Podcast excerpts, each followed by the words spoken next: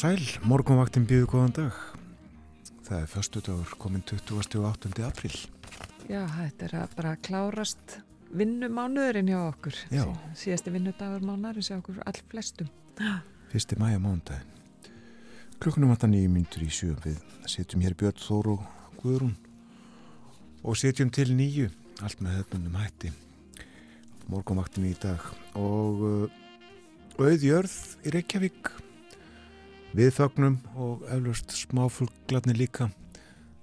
Þeir hafa öruglega rugglasvalt í gær. Já, þetta er ábygglega ekkert verið um neitt sérstaklega auðvelt og ég fann það einmitt er ég var að ganga heim í gær og vinnunni að það voru allstað svona fugglahópar einhvern veginn að kroppa eitthvað. Þetta var, já, skrítið að sjá þetta. Þeir vissi ekki hvaðan á sig stóð veðrið eins og sagt er. Nákvæmlega. Það er svalt á landinu uh, heiti við frostmark í Reykjavík frost víða, ölliti frost, þryggjastega frost til dæmis á kvanneri, innstigsfrost í stykkisólmi heiðskýrt þar tveggjastega frost á Patrísfyrði og innstigsfrost í Bólungavík þryggjastega frost á Hólmavík og á Blönduósi tveggjastega frost við Söðunesvita á Akureyri og Húsavík Logna á Akureyri skýja þar tveggjastega frost á Rauvarhöfn þryggjastega frost á Skeltingsstuðum og á Eilstuðum en er eitthvað ólag á veðustuðinu á höfni Hortnafyrði en einstir frost á Kvískirjum fjórastega frost á Kirkjubæðaklustri fjórastega frost líka í Árnesi og tíu metrar á sekundu þar. Það er eh, mestur vindurinn mestur vindurinn þar núna í morguns árið tveggjastega hitti á Stórhauða í Vespanægi 8, 9 og 10 stega hitti 8, 9 og 10 steg af frost ætlaði að segja á hálendinu. Og það verður kallt áfram. Það verður bara hittinn í dag er nú, frá 0 til að fjórum stegum yfir daginn og viða nættu frost. En það líka er norðlega átt ríkjandi á landinu og það, það er spát álindli snjókom á Suðvesturlandi í dag en það létti til eftir háti og morgun verður áfram norðlega átt 3-10 metrar á sekundu en aðeins kvassar austan til á landinu og yfirleitt bjart en sumstaðar skíjað og smá skúri suðaustan til og hittinn fyrir alltaf áttastegum á morgun og hefur hlýjast suðastanlands. En á sunnudag er einmitt verður áfram bjart líka og litla breytikar á hittanum og á mánudaginn þá er semst á fyrsta mæ sem þá er verður hittin alltaf fimm stegum þannig að fólk ætti að búa sér vel eða allar í kröfugöngu Já. Og búist við að verði svipaður á landinu öll á mándagina Já, þetta eru ekkit mikla breytingar, það verður norðlega átt og það verður lítið satt að jél á norður og austurlandi og vægt frost en þurrt sunnar heiða með hitta fimm stegum Og eitt skeiti hefur borist frá vegagerðinni frá starfsmunum hennar á Suðu Vesturlandi það eru hálkublettir á helliseiði og í þröngslum Það er ímislegt á dagskrá morgumvaktarinnar í dag. Um, Anna Sigriður Ólastóttir, professor í næringafræði verði með okkur.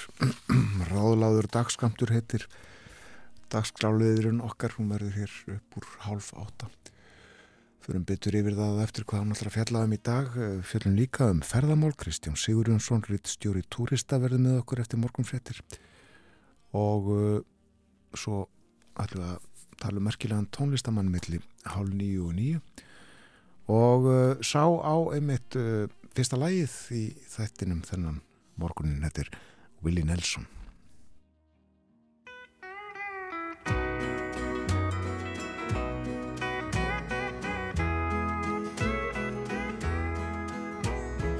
Miracles appear in the strangest of places. Fancy meeting you here The last time I saw you was just out of Houston. Sit down, let me buy you a beer. Your presence is welcome with me and my friend here. This is a hangout of mine. We come here quite often and listen to music, partaking of yesterday's wine. Yesterday's wine, I'm yesterday's wine, aging with time like yesterday's wine. Yesterday's wine, we're yesterday's wine. Aging with time like yesterday's wine. You give the appearance of one widely traveled I'll bet you've seen things in your time. So sit down beside me and tell me your story. If you think you'll like yesterday's wine. Yesterday's wine, we're yesterday's wine. Aging with time like yesterday's wine.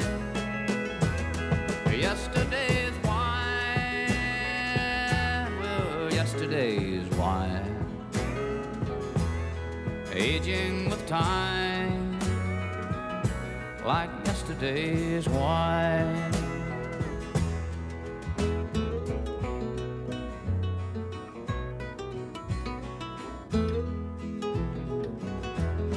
Yesterday's wine, we're yesterday's wine,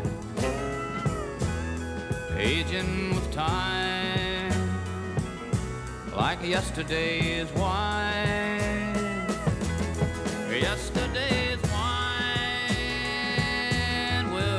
Yesterday's wine, we're aging with time like yesterday's wine. Willi Nelson söng og léklæði sitt Yesterday's Wine af samnemndri plötu títilag plötu sem að koma út 1971 ein af mörgum fjölmörgum plötum Willi Nelson. Og uh, eins og við sögðum aðan við ætlum að fjallaðum Willi í þættinu milli hálf nýju og nýju hann á nefnilega afmæli um helgina. En framöndan eru fréttir hjá okkur, fáum fyrst nokkrar auglýsingar, við förum ítalega við darskráð þáttarins eftir fréttir, lítum í blöð, gömul og ný, leikum tónlist, en uh, nú sækjum okkur aðeins meira kaffi.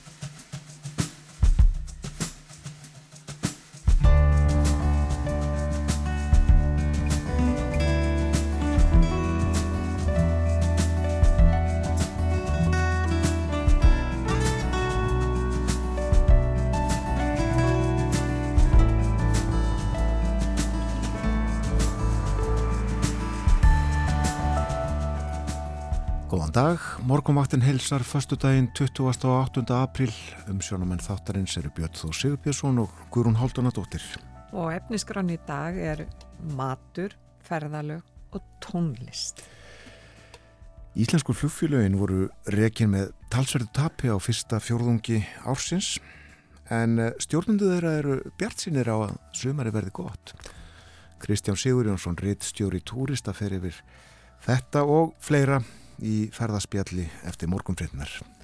Hvernig getur við borða hold og hlúða heilsu og velíðan án þess að fara út í öfgar eða flæktjaps sjálfsæðan hlut og það á að vera að borða og nærast í takt við eigin þarfir? Anna Sýrið Rólastóttir, professor í næringafræði, tekur saman heildamindina varðandi ráðlagan dagskamt um halv átta. Og í síðasta luta þáttarins þá sláðið upp afmælisveislu Willi Nelson verður nýraður á morgun. Tónlistaferillin hófst 1956 og enn er Willi að 67 árum síðar. Nýjasta platan hans kom út í mars og hann er á tónleikaferðalagi um heimalandið, Bandaríkin, verður í Los Angeles á morgun. Við spjöllum um Willi Nelson milli hálf nýju og nýju, Jónatan Garðarsson verður með okkur. Og ef við kíkjum á veðrið, þá er norðlæg átt í dag, viða 3-10 metrar á sekundu og skí á dálíti snjókoma Suðvestaland sem létti til eftir hátegi og það verða stöku jél norðaustan til en bara annars verður svona bjartamestu um landið. Og hittinn 0 til 5 eða 6 stig að deginum svalast norðaustan til og að vestfjörðum. En svo hversir aðeins í nótt en það er áfram norðlega átt og það verður bjart viður um allt land en líkur smá skúrum á söðusturlandi eftir hátegi á morgun og litla breytingar á hittastíginu og bara svipa viður á sunnudag en það þyknar heldur upp norðaustan til eftir hátegi á sunnudag með dálætlega jæljum um kvöldi og hittinn verður 26 stig en nálagt frostmarki á norðverðurlandinu og á mánudag áfram norðlega átt og lítið sátt að jél á norður austurland og vægt frost eða þurft sunnan heiða með hita 5 stigum yfir daginn og þetta er svona heldur svalara heldur en eh, sko spannverjar er að upplifa þessa dagana. Því að, ég, að það var í gær þá mældist hittinn 38,8 stig í Cordoba í Andalúsíu í sögulutasbána og þetta er að aldrei verið jafn heitt á spáni í april síðan að mælingar hófust og þetta var um þrjúleiti gær að, sem að þessi hitta, hitta, þessi hittatala sást á mælum þar. Og þetta er búið að vera bara undarvatna dag alveg gríðarlega heitt á spáni. Og hittin er þar 10-15 stigum herri heldur en að meðatali í april þess að þeir eiga að venjast. Og þetta er svona öðru, þetta er út af því að það er, er að koma mjög hérna, heitur, he, heitir vindar frá Afriku sem að skýra þetta og menn er já, fólki á spáni er bara kapnur hitta, það má ég segja það Og áfram verður hlýta næstu dag? Já, og, og þetta er bara verulegt áhyggjafni því að náttúrulega spátn er mikið landbúnaðarland og, og þetta hefur náttúrulega getur haft gríðarlega rafleðingar eða því að þessu fylgja miklu þurkar. Og mikið að því góða. 13 steg að hitti í Brussel núna og ef við skoðum hér fleiri borgir í Európu, 15 gráður í París, 9 í Berlin 13 í Lundunum og 15 steg að hitti í Róm. Og uh, á Norðurlundunum 6 steg að hitti í Kaupanahöfn, 4 gráður í Óslo 5 í Stokkólmi, 6 í Helsingi 2 steg að hitti í Þósöfn og 1 steg frost í Núk og við lítum í blöðin byrjum á morgumblæðinu og fjallaðum fjármál Reykjavíkuborgar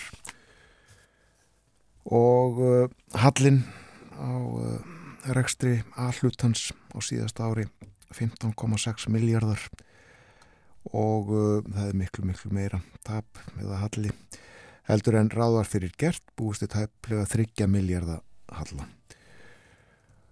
Og þetta er miklu verri ákoma heldur en árið á undan. Rekstrar afhróði í borginni segir hér í fyrirsökn fréttar morgunblæðsins Nú, uh, það er uh, sagt líka frá því hér að uh, borgaráðsandliti í gæra ganga til viðrana við tvö kveikmyndafyrirtæki RFK Studios og True North um uppbyggingu fjögura kveikmyndavera í Guðunissi og þau eruðu samtals 8800 fermetrar stærð.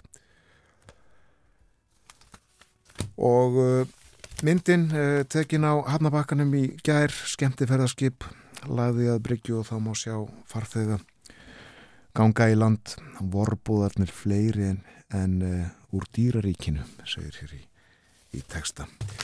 Þetta er svona það sem við nefnum að forsýðu morgunblæsins þennan morgunin og ef við kíkjum á forsýðu breskublaðana þá er telegraf með viðtal og, og, og mynd af Flóellu Benjamin, hún baronessu, en hún er einn þeirra sem að mun taka þátt í krýningaratöfninni sjötta mæ þegar Karl veru krýndu konungur. en Benjamin er fyrirvendi kynir í barnaþáttum í sjónvarpi í Breitlandi og hún mun halda á veldisbrotanum í Vestminister Abbey kirkjunni þegar aðtöfnum fer fram og hún segir að þetta sendi skýr skilabóðum fjölbretnis í þetta svona grundvallar aðtröðunum í samfélaginu á hálfu Karls konungs en hún er hlut af hópi sem að hefur sagt, verið beðum að taka þátt í aftöfnunni og hún vakti mikla aðtekla á sínu tíma því að hún var í rauninni eina öðarfáum svörtu manneskjörnum sem sáist í bresku sjónvarpi. Og mm, það er telegraf minnir á að þetta sé svona aðeins öðru sé heldur en þegar Elisabeth var krín drottning 1953 þegar allir þáttaköndinir voru hvítir karlar og nánast allir voru aðalsmenn sem hefðu ert titla sína svona breytt, breytt skýr, eh, samfélagið í Breitlandi á þessum árum sem að liðin eru. En bæðið Telegraph og Times er að fjallum skýslu sem er væntalið í dag um aðkomu stjórnaformans Breska Ríkisútásins, Richard Sharp, eh, að lánveitingu til þá, Borisa Johnson sem var þáverandi fósættisráðra. Hann er haft milligöngu um að, að Johnson fengi 800.000 pundar lán á sínum tíma og það, það er búið að vera í rannsókn og svo eru, eru myndir af hvað segir maður? Katrín, Kate sem sagt aðna prinsessu af Veils og þar sem að hún er að síga hún er í sigbelti. En þau hjónin, hún og Vilhjálmur eru í Veils og, og í takkjadaga heimsókn. Og þarna eru þau í heimsókn hjá Björgunarsveitinni í fjallabjörgunarsveitin í Wales og hún var, fekk að prófa að síga og, og BBC talar um að Daily Mail hefði unnið fyrirsagna uh, keppni dagsins með það þetta var Her Royal Harness ekki Her Royal Hennes. Hænes fyrir ekki þannig að þetta er ágætt. Svo er mikil umfjöldin í dönsku fjölmilónum um, um Lísett Rískort sem er formaður hvað, hvað hildar samtaka stjættafélaga og hún sett inn fæsla á Facebook í gær um að hún væri búin að bóða formen stjættafélagan á sinn fundi morgun að ræða ræða það að hún hefur verið sökuð um óviðgandi hegðun kakvart fólki og svona ekki virt sagt, personulegt, hvað segir maður þegar svona, já, fólk hefði, hún hefði svona nálgast fólk of mikið með snertingum og svo les og það eru einhverju sem að segja og hún verði að segja af sér vegna þessa. Þannig að þetta, það er fundurinn hafinn og, og væntarlega verður fylgt með þessu frétta, hálfu fréttastofunar í dag. En þetta er svona það helsta í ellendu fjölmilónu þennan morgunin. Já, komum þá heim aftur. Þannig er að í gærvoruliðin 150 ár síðan Jón Stefánsson fættist á Desermýri á Borgafyrði Eistri.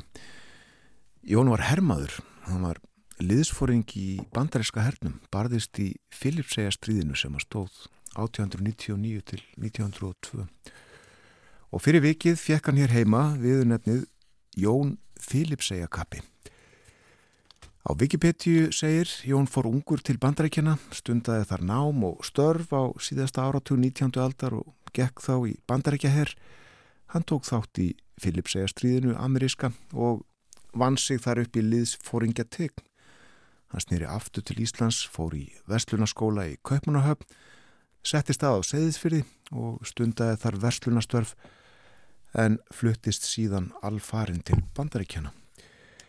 Og Jón Filip Sejakappi lest í oktober 1932 og hans var minnst í Östfyrðingi blaði sem að gefa var út á Seðisfyrði og þar var farið yfir æfirhlaupið Jón fluttist já til Vesturheims löst eftir fermingu tók hann þátt í Filipsega stríðinu af hálfu bandrækjamana var Jón eini Íslandingur um þær mundir sem átt hafði í hernaði og var því oft nefndur Filips Eja Kappi Um aldamótin kvarf Jón heim en var þó um tíma á Vestlunarskóla í höfn. Hér á Seyðisfyrði var hann til vorsins 1913 að hann fluttist vestur fyrir fullt og allt. tók hann mikinn þátt í ofinberum málum, bæði stjórnmálum og bæjamálum og átti sæti í bæjarstjórn köpstaðarins. Eftir að vestur komað nýju átti Jón lengst af heima í Baltimore var hann síðustu árin í þjónustu ríkisins og mun hafa haft lífanlega stöðu. Jón var að ytra útliti hefð mesta glæsimenni, fríður sínum, mikill vexti og rammur að afli. Hann var dölur maður og fastlindur, tryggur vinum sínum og engin flísjungur. Hann var óvinnilega greindur maður. Á útleðar árunum glemdi hann ekki ættjörðu sinni. Hagur hennar lág honum þungt á hjarta til hins síðasta. Hann fyldist svo vel með því sem hér var að gerast og hafði svo glögt auga fyrir íslenskum aðstæðum að einstæmi eru mann sem dvalið hefur Erlendis hálfa æfi nú síðast samfleitt framundir 20 ár. Jón kventist höstið 1904, Solveigu, dóttur Jóns alþingismanns frá Múla, henni mikilhæfustu konu, eignuðustu sex börn sem öll eru á lífi og hinn mannvannlegustu. Með Jóni eða til moldar gengin óvenjulega mikilhæfur maður, góður og tryggur sonur ættjarðarsinnar, þótt hann væri þegn Erlends ríkis. Honum auðnaðist ekki að bera beinin á ættjörðu sinni en þó mun hann ekkert hafa heitar fráð. Svona skrifaði östfyrðingum Jón Stefánsson, Jón Filips Ejakappa. Ég fann líka uh, skrif Bendikts Gíslassonar frá Hoftegi um uh, Jón. Það skrifaði um hann í tíma 1964 og uh, rifjaði þar upp sögu frá því að hann var 17 ára, þar að segja Bendikt sem heldum penna. Og hann satt þá fund, pólitískan fund við Lagarfljótsbrú. Ég grýp hér niður í frásögnina Bendikt er vísa til sætist þar við borð og segir þarna satt þá sjálfur Jón Filipsegakappi tengdasonur Jóns í Múla og bróður skólastjórnans Varla varð senn vörpulegri maður en Jón Filipsegakappi, höfðu hærri en almúin eins og Otur biskup þrekin og velimaður, ljóslitaður og fríður, afrendur að afli, líklega eins og grettir, góðmannlegur og glettin. Einu sinni held ég að ég er því óskaplega hrættur við Jón Filipsegakappa ef ég sæja hann. Maðurinn hafi verið í stríði og ég vissi ekki betur en að stríð væri reynd manndráp og hefð voðalegasta sem und væri að lenda í. Fóru líka, það fóru líka mikla sögur af Jóni og þótt Jón segði frá þessu satt og yfirlætis lust og þó tók sagnagáa og sögugliði þjóðurinnar það upp hjá sjálfur sér að hafa þær við sitt hæfi. Það voru íktar sem sé sögurnar af Jóni. Jón fekk bæði heiðusmerki og fóringjatekn fyrir framgöngu sína í stríðinu og nú satt ég til borðs með Jóni Filipsegakappa og mér þótti maðurinn engar geðfeldur. Svona skrifaði Bendit Gístason frá Hóttegi um uh, Jón Stefánsson, Jón Filipsegakappa. Miklar lýsingar á þessu manni. Þótti einstaklega glæsilegur. Já, uh, Jón fættist á borgarfyrði Eistri og uh, bjó um skeið á Seyðisfyrði og við höldum okkur á Östurlandi en uh, færum okkur á Jökuldalinn. Þar var bærin Kvanná og þaðan kom Jón Jónsson sem að samti mörg dásamlega lög. Til dæmis Katri Katarína Kapri Katarína og Selja litla og hann samti líka Ég vildi að ég væri sem að við erum Björgun Haldursson syngja.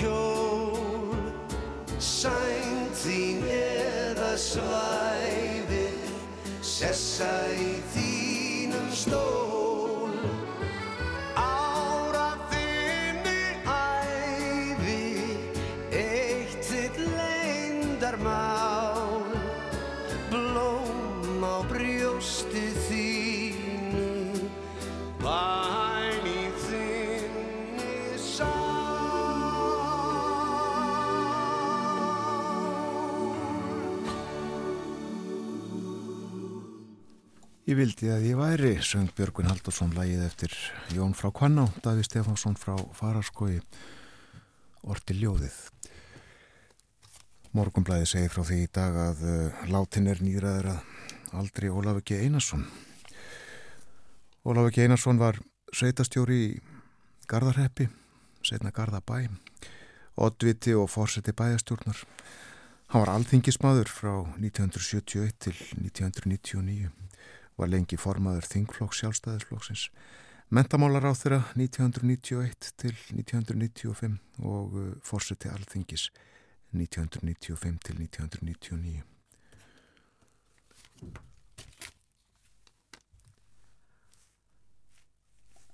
Það er, já, ímislegt líka eh, í fleira í ellendubluðunum og það er hérna, eins og við hefum heyrt í fréttum hér á Íslandi í sambandi við hann ópíóíða faraldur, þá er þetta ekki einstæmi. Það er verið að fjalla um slíkan faraldur í bandarísku borginni San Francisco og það eru 300 látnir á stuttun tíma og þetta er viða eins og hefur verið greint frá í bandaríkjónum, þetta hefur verið lengi viðgangandi eða í gangi og, og kannski bara meitt sent sem þetta kemur hingað. Og svo er líka tölvert fjallaðum í breskublöðunum um málefni þessar, þessar hleranir sem að hafa verið mjög til umfjöllunar sagt, blað hjá blaðamönnum í sönn. Og nú var það Hugh Grant sem að mætti fyrir dómara í gæri og var að greina frá sagt, í máli sem hann hefur höfða leikarin en við vorum með Harry Prince að segja frá honum hérna fyrir vikunni og hann er líka í málaferðlum út af þessum hlerunum. Enda náttúrulega á ekki að hlera síma á þess að láta fólk vita allavega ekki dagbluð hmm. Nemndir alþengis funda í dag og ég veið kategli á opnum fundi í efnaðs og viðskipta nefnd Gestir nefndarinnar Ásker Jónsson Sælabankastjóri og Rannveig Sigurðardóttir Vara Sælabankastjóri peningastefnu. Og umfylgnar efni fundarins er skýsla peningastefnu nefndar Sælabankans og rifið við þá upp að verðbólgan hún jógst. Já, fór í 9,9% núna í april. Hagstofan byrti nýja mælingu í gerja. En það var einmitt greint frá því í gæra að Alþjóðabankin hann var að byrta nýja spá um þróun matvælaverðs og þar eh, banki spáir því að heimsvísu að þá munir matvælaverð sem er óvinnuhátt í heiminum í dag en það munir lækka um 7-8% í ár og eh, orkuverð halda áfram að lækka og það hefur verið að lækka víðaskvar og við rættum nú einmitt um eldsneitisverð hérna við Þórsnæði Júliusson á þriðdægin en það verður eitthvað, eitthvað farið minna fyrir lækkunum hér kannski svona miða við, við annar staðar Já, þetta mun lækka, segja sérfræðingarnir í bandaríkjunum en uh, það er hins vegar búist við því að uh, vextinnir hér á Íslandi muni hækka næst þegar vaksta ákvörðuna dagur er. Já, heilt prósent er talað um. Það er aldrei mikið. En uh, það verður áhugavert að heyra hvað þau ásker og rannveg hafa að segja um ástand og horfur á fundi efna svo viðskiptanemndar í dag. Hægt að fylgjast með þessu á, á uh, websíðu Alþengis og líklega í útsendingu á Alþengisrásin í sjónvarpinu. Fundurinn hefst uh, kortir yfir nýju.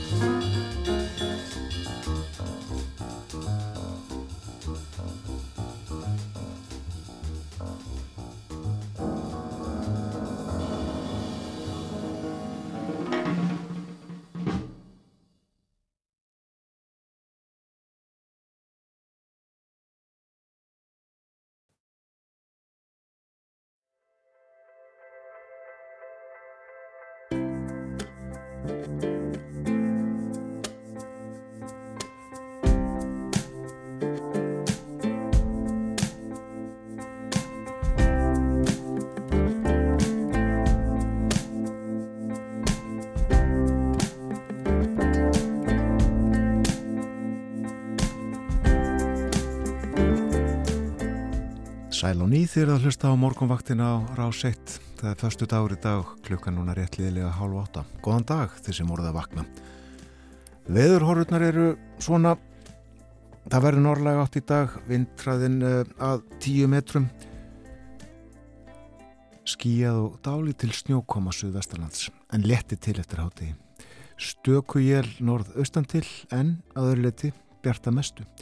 Og hiti í dag að 6 stegum það verður svalast norðaustan til og á vestfjörðum hitin þar svona í kringum frásmarkið. Svo hvessir aðeins í nótt og uh, verður norðlega átt á morgun 13, kannski 15 metrar eitthvað svoleiðis, hvassast austast á landinu. Bjartveður um alland en uh, líkur á smá skúrum á suðausturlandi eftir háti þetta á viðu um morgundaginn. Hiti breytist á lítið verður sveipaður á morgun og hann verður í dag og uh, þetta verður með svipuðum hætti á sunnudag þó þyknar þá upp á norðausturlandi. Það gerist eftir háti á sunnudag með dálillum jæljum um kvöldið og hiti á sunnudag 2-60 nálat frostmarki á norðanverðurlandinu. Og eftir þetta þurfum við að hressa okkur aðeins við. Ég sé það að það má búast við kannski nýju stíg að hita á Suðvesturlandi á þriðutæðin Það var ágætt, þetta var alveg orðið spurninga með hvort ég ætti bara að fara að hlaupa hérna fram og kaupa, með súkulæðistikki eða eitthvað yfir öllu þessu tröstispís eins og það talaðum en það er komið að ráðlegum dagskamti og hún er komin hinga til okkar, hún Anna Sigriður Ólafsdóttir doktor í næringafræði við Háskóla Íslands velkomin. Takk, takk. Þú kannski mælir ekkert með því að ég byrji daginn á súkulæði, er það? Nei, en sko þetta er kannski svolítið okkur það sem við stöndum frammi fyrir í okkar ofgnóta samfélagi og það er þetta sko að því að það er svo oft einhvern veginn verið að tala um hvað við erum að borða og, og, og, og þarna áherslan á þetta við þurfum að velja eitt og annað og sumt má alls ekki borða alltaf þessi búðabönn sem ég er ekki trefin af En það sem mér finnst svo mikilvægt að það er okkur að minna á sko að þú veist af hverju, hvers vegna ertu að borða, hvers vegna þarf þetta súkulaði, hvernig borðaru, ertu þá að njóta hvers bit og ertu í núvitund í staðan fyrir að gúfa því í þig. Er þetta ekki bara spurningun um sko S-vítaminin, ég, ég og vinkonum mína við tölum alltaf um S-vítamini og það er þetta súkulaði vítamin sem Já. er alveg nöðsynlegt sko. Og, og, og það eru þetta svona hérna, ákveði svona losun haf mikið hormóna þegar þú þarna, borðar hluti sem þið finnst góðir. Og það er líka kannski þetta að, að, að, að oft þegar við erum að reyna að teikna upp einhverja eh, mynd og ímynd af heilsusamlegu fæði þá verður að teikna upp einhverja svona meinleita lífs eða það að taka og útiloka. Þessi bóð og bönn og það er ekki sko, það setur okkur í svo mikla klafa Þannig að, að ég, svona, ég bara sá fyrir mér okkur að við myndum kannski taka svona svolítið saman það sem við erum búin að vera að tala um í vettur og þá er þetta sko, þetta eru einföldu hlutinir. Það er það að hafa rútínu.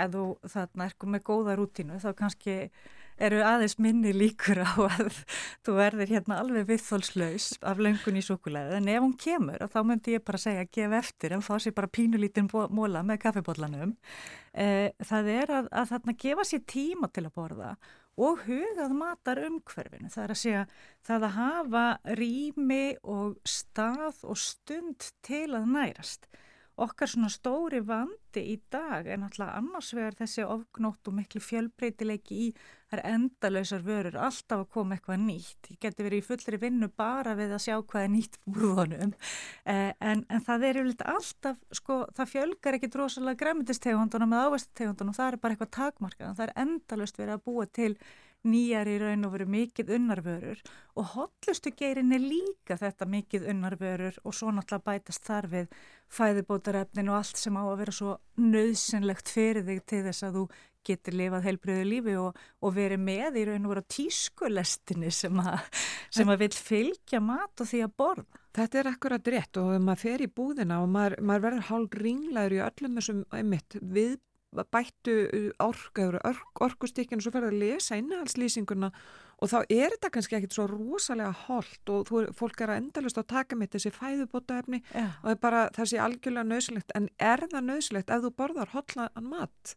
Nei, einmitt og sko ef við horfum á bara almennu ráðleikingarnar að þá ganga þær okkur út frá því að með því að fylgja ráðleikingum um mataræði þá sé auðveldur að tryggja líka með fáu öll þau næringarefni sem það þarf á að halda til að stúðra góri heilsu og veliðan og D-vitamin í raun og veru eina fæðu bótin sem þarf að bæta við af því að við ekki, getum ekki fengið það bara beint úr matnum þannig að, að sko þetta þarf ekki að ætti ekki að þurfa að vera flókið en það er bara vinnan við að viða að sér mat og þá hunga til að þú er komin með frá því sko ákverðinum að fá sér að borða og þú ættir að vera skinsamur og enda svo með eitthvað gott á disknum sem þú jafnvel gefið tíma til að búa til sjálf að þá er þetta ótal handtök og í þessu ræða samfélagi þá er þetta því miður það sem við erum ofta að takast á við. Og þetta sko um, það talaðum í dag og, og ef við horfum á ráðstöfnur og ég talaðum í vetur það er þetta sko að við erum ofta ekki að borða heldur við erum að narta. Og það talaðum að vera á beit og þetta sé líklega eitt sko það versta þegar nú er þetta með tíska huga, blóðsykrinum annað að hvað er það sem þú borðar þegar þú ert að narta? Þá ert að stinga einhverju einu og einu upp í þig. En þarna við þurfum í raun og verið þess að sko samsettu máltér, það er ekki raugrétt að horfa á stök matvæli, þannig ættum ekki að vera að borða og með teilitið til blóðsíkustjórnunan til dæmis að þá, þá er alltaf annað þetta ef að þú ert að fá þér sko einfald að kólvetna gefa eina á sér eða ef þú horfir á heildstæða málti þar sem að okkur sko það ætti til dæmis alltaf að vera grænt og gróft á diskunum. Og, og þá bara ef við horfum á hverfinu stödd í dag og svona eins og síðustu landskunnan á mataræði að þá er náttúrulega svo sínilegt í raun og veru að, að hvar við stöndum og það er, eru þessir kúrar sem hafa svolítið kannski glift okkur. Við erum með einhvern kolvetna óta þannig að þú veist við erum ekki að ná eins og ráðleggingunum ávist og mikið af græmiti þessi 500 grömm á dag sem ættum að vera að borða af græmyndum ávisti það er, er ekki náma 2% sem ná því og þannig ef ég bara svona, ég ætla bara að stikla stóru svona til þess að minna ykkur á sko hvað þetta eru einfaldar aflíkingar. Endilega. Uh, yfirskriftin er sko áhersla á matræðið í heild. Það er þessi heildarmynd þannig að það er ekkit ónýtt þó að þú freystist í hann móla sem þið langar þig á þann. Langar ekkit í hann lengur. Nei. og það er oft líka þetta sko að, að gefa eftir á stundinni heldur aðeins að hugsa og hva, af, hverju, hverju langar mér þetta? Og, og hérna taka ákvörðun. Við borðum svolítið autopilot. E, það er fjölbreytt fæði í hæfilegu magni. Það að hafa tilfinninguna fyrir því hvað við þurfum og þá ef við horfum til dæmis á settustjórnuna þá er þessi sko ytri og innri stýring að við erum alltaf að láta ytri öflin og í raun og vera eitthvað annað segja okkur hvenar við eigum að borða og hvenar við eigum að hætta í staðin fyrir að, að horfa inn á við. Þannig að við þurfum að vera svolítið dugleira að e, hlusta á líkamann og, og, og þarna fylgja eigin innsægi og það hverfur til dæmis með endalösum sko öppum og mælitækjum og og því að þú þurfi kannski að skrá allt honni þig og, og svo framvegis. Já, og mæta mjög rauninni ganga um með viktina þú veist að um leiða og setja græmmet á diskin Þannig að, að, að þú veist, en, en auðvitað getur verið gott að mæla til að læra og átta sig á, við höfum til dæmis svo mikið, sko, við höfum svo litla tilfinningu fyrir hvað er eðlileg skamtastarf það er til dæmis hitt af vandamálum á því að skamtastarf eru svo stórir Svo er þetta, þú veist, bara eins og ávistur og mikið að gremmiti, eins og ég segi, þar er kannski það sem við þurfum ennþá að vinna bara verulega í okkar málum. Það er heilkort minnst tvísvar á dag, sko óttið með brauðin. Brauð er náttúrulega ofsalega fjölbreytur flokkur og það mætti horfa á bæði sko frá korninu, hvernig það er malað, hvernig þetta er baka og svo framvegis, en það er ekki náma 25% íslendingar sem ná ráleikingum 70 gram af heilkortna vörum á dag við erum líka, við horfum á kolvetni til dæmis, við erum ekki að fána með 37% orkunar úr kolvetnum en þetta eru bara vittlausar vörur sem við veljum. Þannig að það er freka sko sætabröð og kukur og keks heldur en bröðið að því við erum að hrætt við bröðið. Þannig að það er sko 16% orku uh, kemur úr, af þeirri orku sem við umbyrðan kemur úr sigru, gósi, svaladrykkjum, salgeti, keks og kökum. Þannig að sko, við getum breytt svo miklu mm. og oft er einhvern veginn þetta það sem við erum tilbúin að horfa fram hjá en erum svo óttastlegin yfir því hvort, sko, hvað við eigum að vera að velja í einhverju sem er bara sko, segja, tala um mat. Uh, fiskur tvísvætti þrísvar í viku, ákveðnir hópar, eldri hópar eru duglir í fisknum en ung, þeirri ungu en yngsti hópur fullarðina, það er 1% sem er þessari ráðleggingu. Þannig að, að sko bara við þetta er eiginlega svo skrítið að sjá sko hvernig við hverfum frá matnum.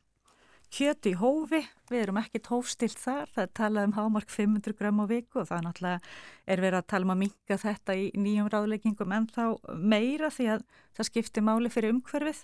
E, margi kúrar hins vegar og mikið á svona þessari prótein áherslu er alltaf á meira kjött sem að gengur ekkit upp ef við ætlum að vera umhverfisvæn í leiðinni.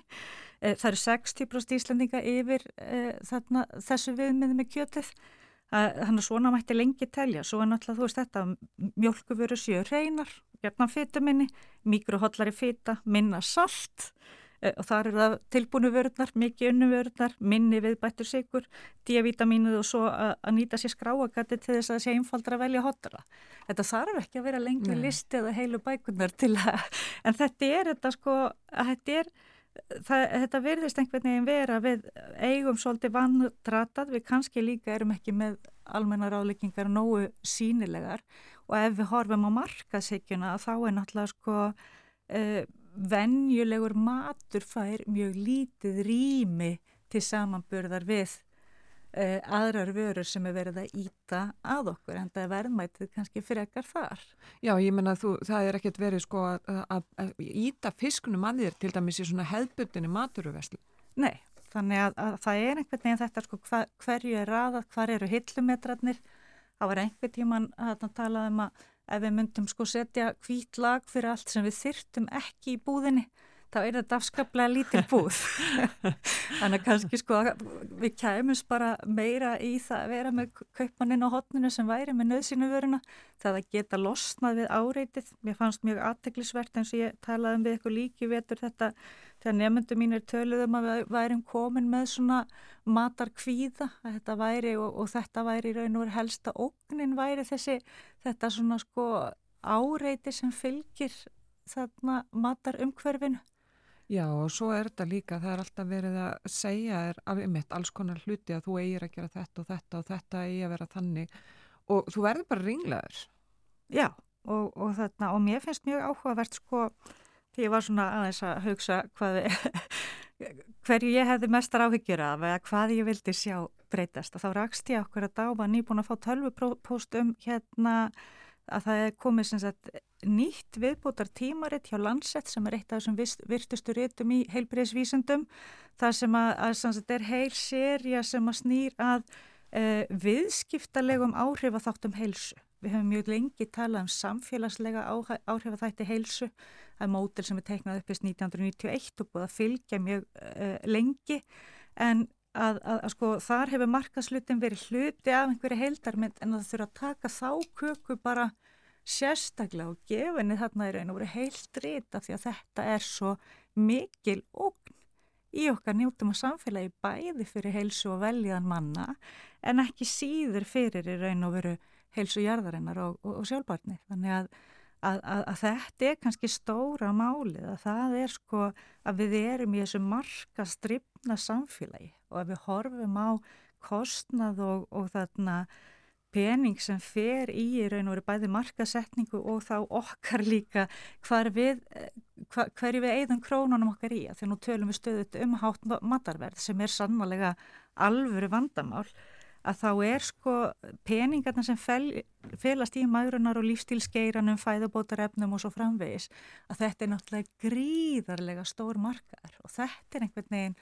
það sem dýnur á okkur alla dag og við þurfum að gera betur, við þurfum að taka okkur tak, á ég og má ég borða þetta eða hitt og, og, og það er einhvern veginn, einhvern veginn svona stöðu að vera áhyggjur og ef við horfum á skilgreininguna á þessu sko hvað fælst í viðskiptalegum áhrif að þáttum heilsu og þetta er svona hugtak sem við byrjaðum svolítið að tala um fyrir tíu árum síðan um það en er sko veldisvöxtur núna á í raun og veru rannsóknum á sviðinu og, og því að við þurfum að breyta. Þetta eru svona státt kerfin, eh, framkvæmdin eða, eða hegðunin og ferðlarnir sem í raun og veru hafa áhrif á heilsu og jöfnuð með tilliti til eh, þarna þess hvernig við í raun og veru verðum fyrir þessu áriti sem getur verið gott áriti en getur líka verið slæmt. Það er að segja, það er hægt að gera mjög mörg mm -hmm. gott með markasöflunum, það er ekki bara vond og þetta er náttúrulega miklu, miklu viðtakara heldur en að horfa bara á næringuna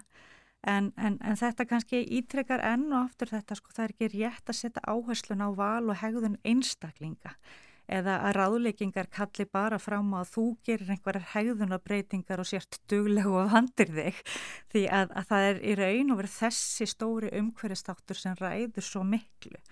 Og þeir vilja ganga svo langt að í markaðsefnun í tengslum við þessar áherslur, kynningarefninu á að segja þess sko það er ekki spurning hvort það er vilja eða fjármagn til að gera breytingar heldur hvort mann kyn við lifir af ef við tökum ekki sér skref. Já, hérna. Þannig að, að það þurfi bara einfalla sko samfélagslega hugsunarbreytingu sem fer þá í burtu frá þessari miklu markaðshyggju og þar þurfum við að vinna saman og, og þá akkurat sko segja þetta, þú veist, gutni meðalvegurinn selur ekki neitt. Nei. En er þetta ekki líka þá bara eiginlega spurningin um að ef við myndum eigða eitthvað af þessari orku sem við eigðum og tíma í að fara eftir öllu þessu sem okkur er sagt að við eigum að gera, veist, að mæla blóðsegurinn og gera þetta og hitt og, og að sagt, borða ekki þetta heldur hitt, ef við myndum bara eigða þessum tíma og þessari orku í að bara kaupa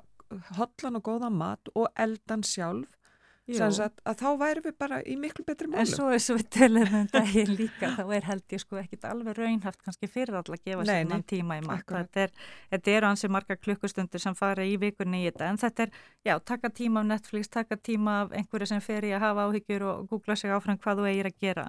En markasöflin hafa gríðarlega áhrif á eitthvað að sko mótun smekks og við erum komin í dag út í svona einhvers konar matarheim þar sem að normið er luxusvara, þar sem það er verið ítaður í að þú þurfir ofurfæði, mælafæð og drefni og svo framvegis og það er talað um, sko, við höfum þarna big tobacco sem er náttúrulega okkur tókst að breyta en svo er sko big food, big soda, big alkohol mm. og það er kannski það sem vantar inn í almennu ráðleggingarnar að því við töluðum áfengiðum um daginn og það er að, að þetta þurfa að vera sko innan við tveir drikkir á viku og það eru litlir drikkir þannig að ég myndi vilja bæta þeim við þarna í þessa upptalningu hjá mér uh, ég myndi líka vilja kannski áður við hættum akkur þetta 7. mæ í næstu Já. viku, þá er akkur sko megrunarlausi dagurinn sem er alþjóðlegur baráttu dagur gegn megrun átröskunum og fordómum vegna holdafars og það er kannski þetta, þetta kristallast svolítið í að markasetningin er svo oft þetta að beita sér að, að, að, að þú sért óanaður með eigin líkama, svektur með eigin líkanstingt uh, og, og, og þannig að, að, að við verðum svo upptikinn á að mat og að borða í tengslum við uh, útlitið og Já. það er einhvern veginn að- hvað okkur gengur hægt líka að breyta þessari tengingu. Þetta viðþorf, ef þið líður aldrei vel í eigin skinni að þá er miklu auðveldur að selja þér hlutin og þarna þurfum við bara að vera meðvitið um í raun og veru að, að, að, að hvernig við getum tamið okkur mataræði sem stiður sem best við heilsu og velíðan að, að, að, að, að það eru hópar sem eru brotættir þegar er verið að herja á okkur mjög greimt. Akkurat og við sáum þetta nú kannski aðeins í, einmitt, í afturheldingu núna um síðustu helgi að það var verið að tala um eða þú veist það er svona var verið að horfa á einmitt þetta á kannski óheilbreiða samband sem að við getum myndað við mat. Já, og þetta er að við horfum á sko það mismunandi eftir hvaða tölur er hort á og hvort við horfum á íslensku ögn eða erlend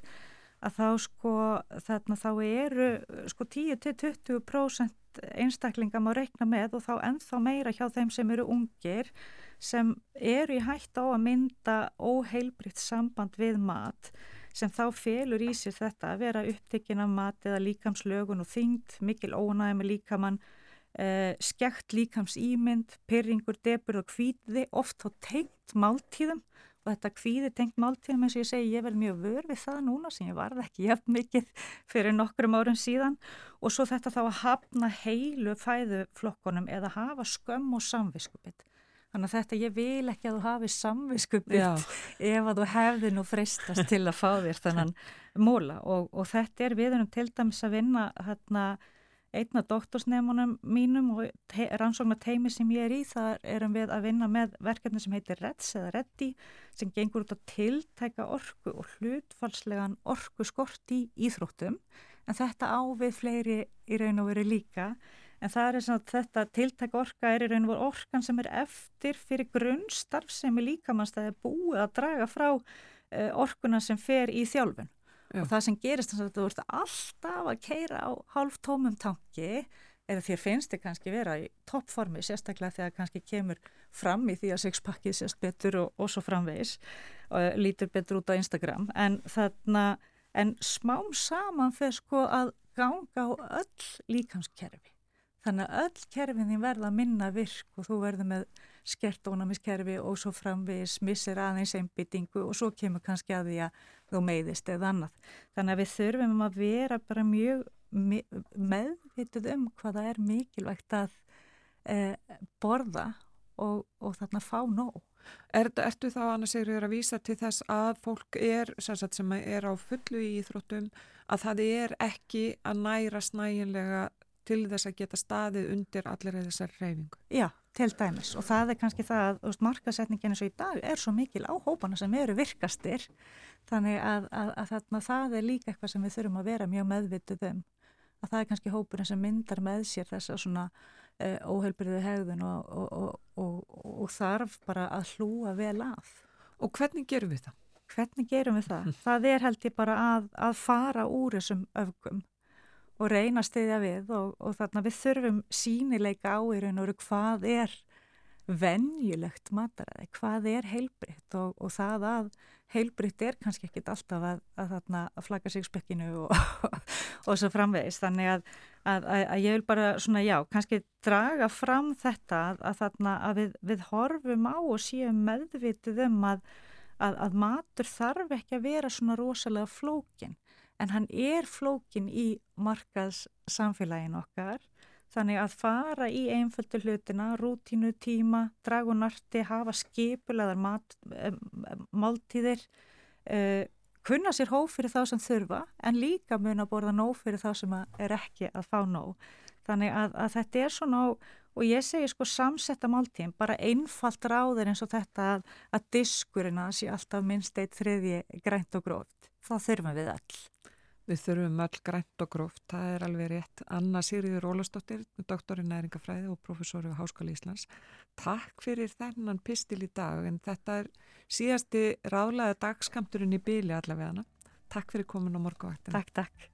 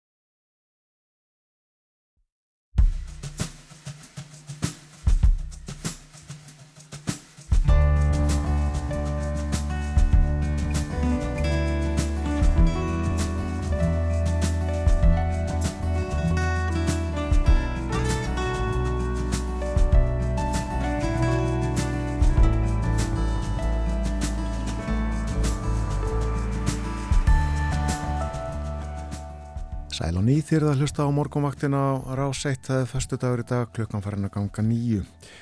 Anna Sigriður Ólafsdóttir, professor í næringafræði við Háskóla Íslands haldin út í daginn. Hún var hjá okkur hér áðan, hún hefur verið með okkur í vetur, fjallaði mat, mataræði og næringu, gefið okkur góð ráð. Hún er komin í sumafrí, en við tökum upp þráðin aftur síðsum að segja í haust. Ég minni á að hér á eftir upp úr hálf nýju þá ætlum við að fjalla um Willi Nelson. Willi Nelson verður nýraður á morgun. Hann er á fullu og hefur verið á fullu í 67 ár. Þetta er langur ferill í tónlistinni og Willi sem sé hverginari hættur. Við ætlum að uh, stikla á stóru langur ferill að baki og við margt að tala. Við þurfum auðvitað að hlusta á tónlistinans líka reynum að gera honum uh, þokkaleg skil á uh, 20 mínútum. Jónáthan Garðarsson verður með okkur á eftir. En nú er komið að spjallum um ferðamál. Já og við ætlum að ræða við Kristján Sigurjónsson reitstjóra túrista. Og við ætlum að byrja á því að ræða uppgjör tvekja flugfélag Æslandir og Play. En félaginu voru bæðir ekki með tapi á fyrsta ársfjörungi Æslandir 7 miljardar en Play var með 2,3 miljardar krónar tap En stjórnendur félagana tekja eru sáttir þráttur að þetta séu alls 9,3 miljardar. En Kristján, er þetta í samræmi við væntingar? Já, fórstjóri í Play sagði það allavega, hann tók fram að þetta var í, takt við það sem þið rekna með en mér var svona aðeins eh, neikværi tótsósum í, í hérna í þeim texta sem kom frá fórstjóra Æslandir og hann vísaði meðal annars til þess að afkoman og fraktflýi hafi gengið verð og, og eins hérna, verðbólka væri að hérna, valda vandraðum en, en einhver síður þetta að horfinu væri bjartar framöndan og voru þeir fórstjórar byggja flugfælega samanlega um eh, sölum með slegin og, og hérna, bókunarstaðan góð og fólk er að borga meira fyrir flugmiðana sín en áður og, og sama tíma er, hefur verð á ólíu svo lækka tölvert en, en hérna kaupa á þótuelsniti við vorum mjög þúndi í rekstri flugfélagana, þau borguðu samtals um 60 miljardar fyrir, fyrir elsnitið í, í fyrra þannig að það munar um það þegar verðið lækkar ja, mikið það hefur gert núna. Og, og sérstaklega ef það helst þetta látt í, í sumar þegar flestir eru á ferðinni að þá já, lækkar kostnar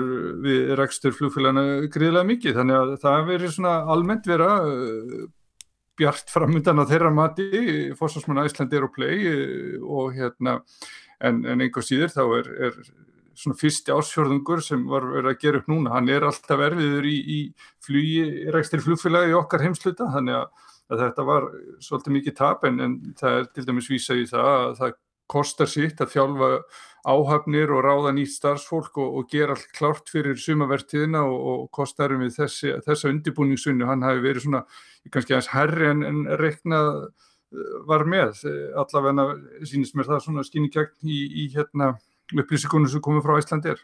Já og afkomin í rauninni hjá Æslandir er bara mjög svip og hann var fyrir ári síðan en þetta er mun meira tapja play en var fyrir ári síðan þá var 1,5 miljardur í manni rétt.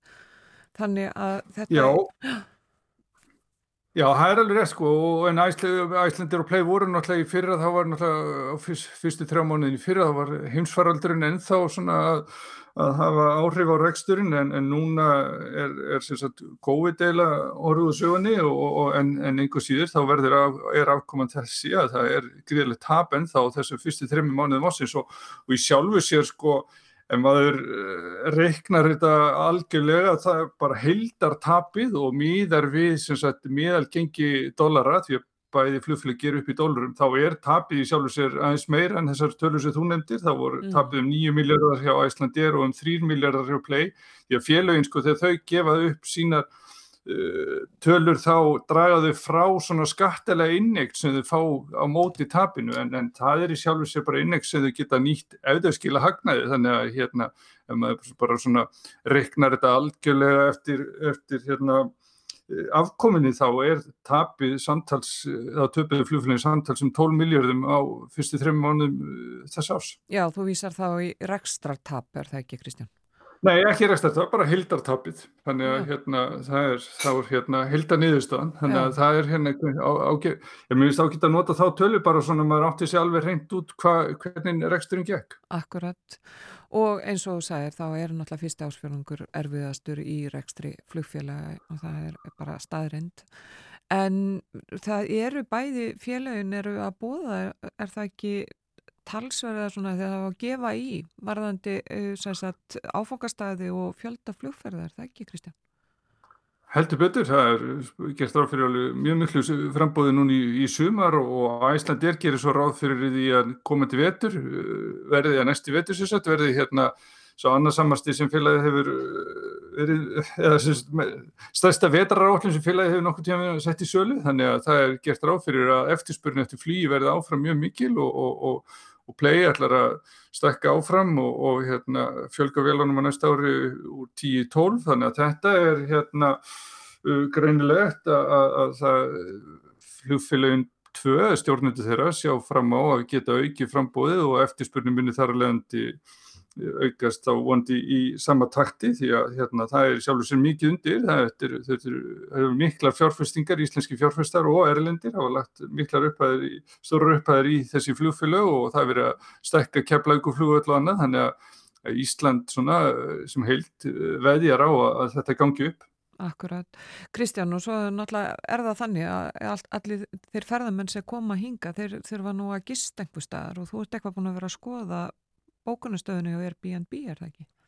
Jó, sko þessi bandaríska gistimilun deilir nú ekki miklum upplýsingum um, um sín en, en, en það má samt sjá á bókunarsíðu fyrirtækisins að, að það gengur vel að selja gisting á Íslandi ef maður skoða til dæmis frambóðið bara svona næstu vikur og berða saman við frambóðið svo núni í, í sumar þá sér maður að, að það dregst saman um svona 25-40% í Reykjavík og Akureyri og, og, og sko Suðurlandi er virðist vera aðeins um sko, fjórðungur af gistingunni á lausu í sumar þannig að áfram er það þannig að, að hérna, sko, Airbnb verður í sjálf sér að geta tekið við e, stóru hluta þeim ferðamennu sem koma til Íslands þannig að hérna, því að frambóða hótelgistingu hefur í sjálf sér ekki aukist svo mikið frá áraunum fyrir COVID þegar fjöldi ferðamanna var hvað mestur og það er nú spáða sumarið í ár verði svona í takt við sumavertina 2017 til 2019 þannig að hérna að vísu það eru uppbygging kvíða um miðja næsta mánuð. Opna til dæmis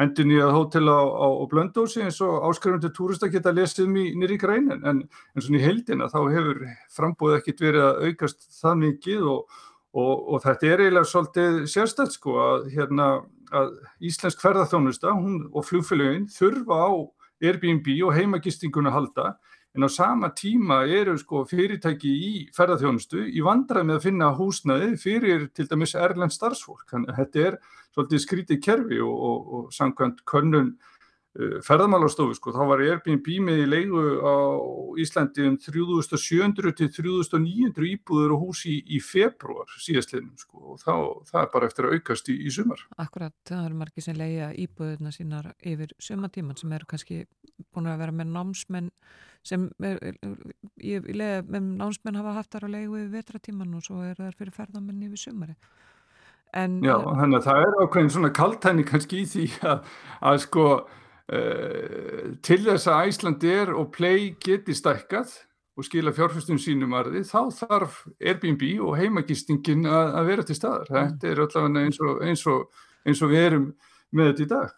Við rættum einmitt við Yngvar Ragnar Kristjánsson eiganda Hotel Sels í Mývasveit í gerðmorgun og hann var að segja að það er bara nánast ef ekki bara alveg orðið fullbóka hjá þeim sumarið.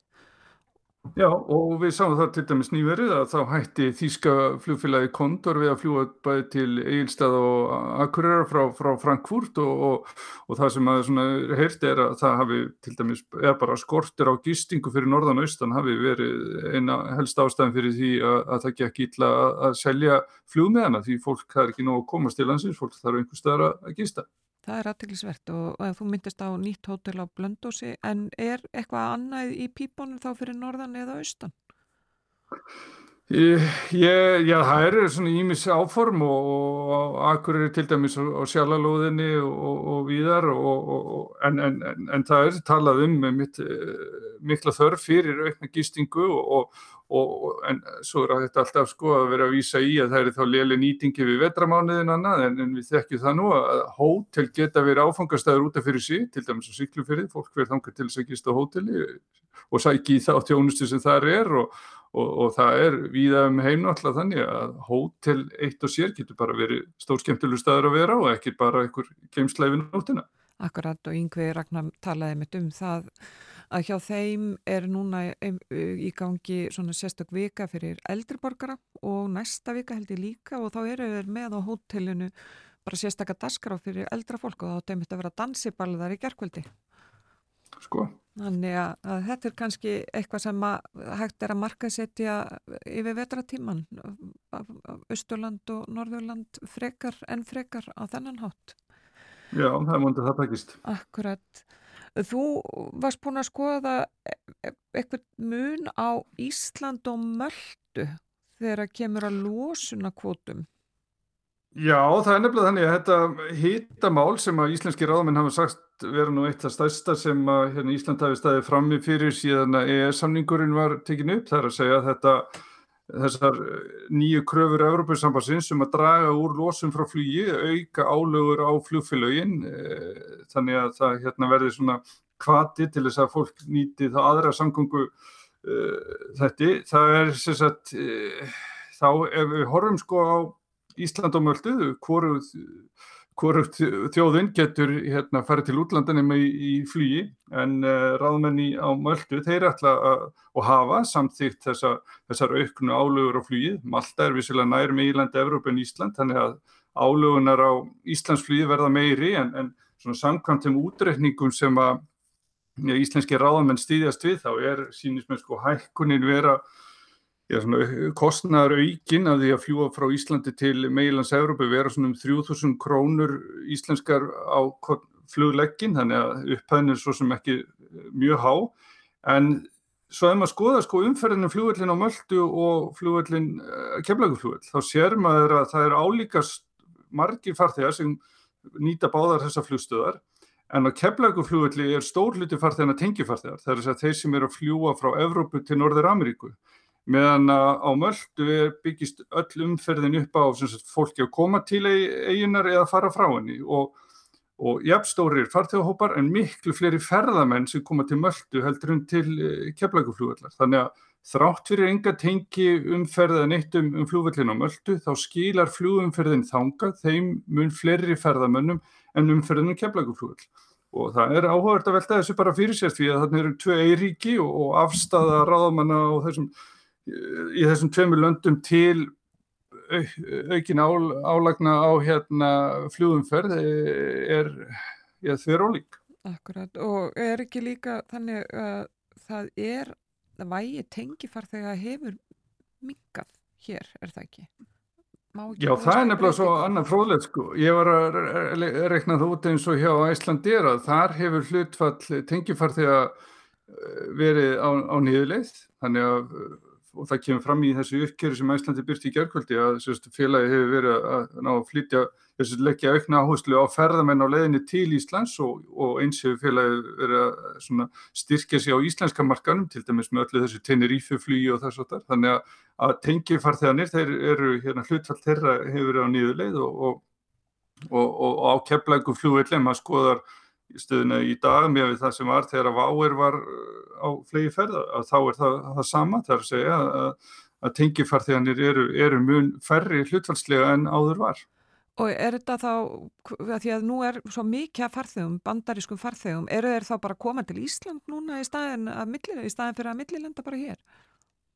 Já, þannig að það hefur gengið það vel að selja sérstaklega á bandarækjumannum Íslandsferði núna síðustu mánu að þeir eru, já, ég mitt bara að koma til Íslands og svo fljúa þær áttur heim til sín í staðin fyrir að halda áfram til meginlands Evrópu. Þannig að þetta er, er, er áhugavert sko þess, að þessi þróun eigin sér stað á sama tíma og það er verið að hérna Íslenski ráðmenn er að leggja allan sinn kraft í að, að fá undanþáur fyrir Ísland vegna þessa þessa tengiflugs og þessa, þessa umsjöfa sem Æsland er og play e, hafa út úr tengifærðunum.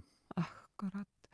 Og það var einmitt, það var frálegt líka að sjá þegar það voru byrta verðbólgutölur í gæra, þá var einmitt að 19,5% hækkun og flugfargjöldum talin eina helstu skýringunum á aukinni verðbólgu í aprilmáni hér á Íslandi, þannig að flugmiðin hækkar í verði vendarlega. Flugminn hækkar og það er náttúrulega það sem að eh, stjórnendur flugfélagana gleiðast yfir í, í, í hérna, þessum tilkynningu sem sendir frá sér í gæra. Það er, þeir eru að fá miklu betur borga fyrir hvert einasta sæti og, og ná að selja fólki töskur og val á sætum og, og fleiri samlokur um borð og þess aftar. Þannig að þessar hlýðar tekið svo kvöldu og þær hæru líka upplið. Þannig að það er hérna, já, það er alveg greinlegt að þetta íti þöndi verðbólkunum. Það er bjarsinni í ferðarþjónustinni. Takk kærlega fyrir spjallið Kristján Sigur Jónsson, reitstjóri túrista. Takk fyrir mig.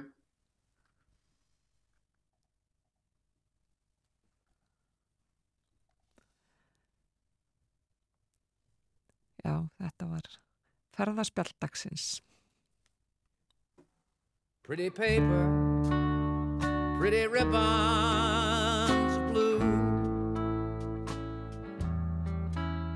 Wrap your presents to your darling from you.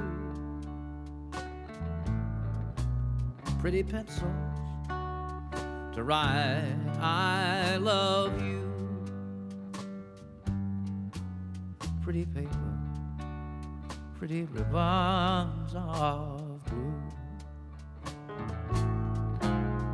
Crowded streets, busy feet hustle by. Downtown shoppers, Christmas is nigh. And there he sits, all alone on the sidewalk,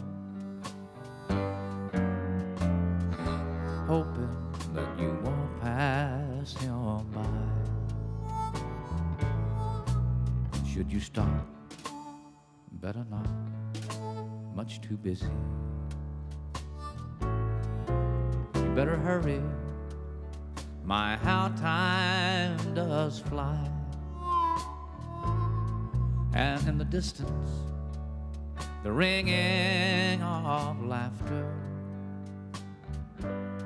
And in the mist of the laughter he cries. Pretty paper, pretty ribbons of blue. Wrap your present to your darling from you. Pretty pencils to write I love you. Pretty paper, pretty ribbons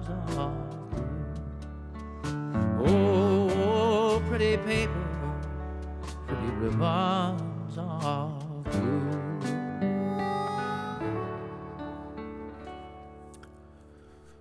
Þetta var Willi Nelson og uh, lagið Pretty Paper er frá árunni 1963 kom út uh, um höstið seint og eins og glöggir hlustendur tóku eftir þá var í tekstanum fjallaðum uh, tíman svona í aðdraganda jóla það bara kom uh, einhver löngun yfir mig í gær í snjónum í gær til þess að spila þetta lag með Willi sem eins og áður saði uh, kom út 1963 fyrir 60 árum Mm.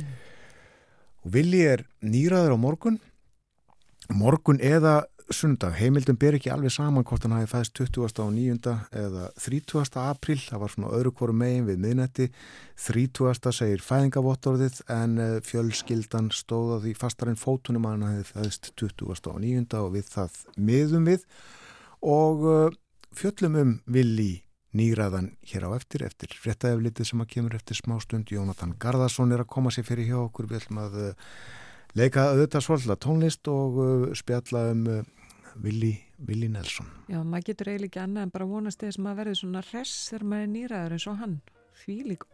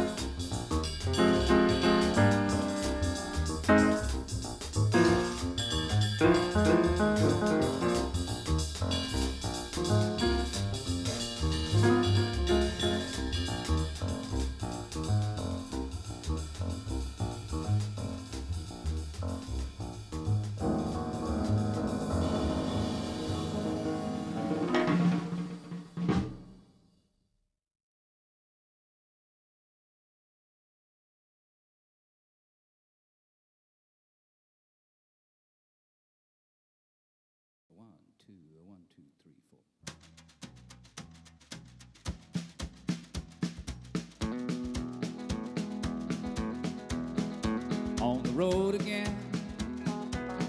Just can't wait to get on the road again. The life I love is making music with my friends. And I can't wait to get on the road again. On the road again going places that I've never been, seeing things that I may never see again. I can't wait to get on the road again. The road again, like a band of gypsies, we go down the highway.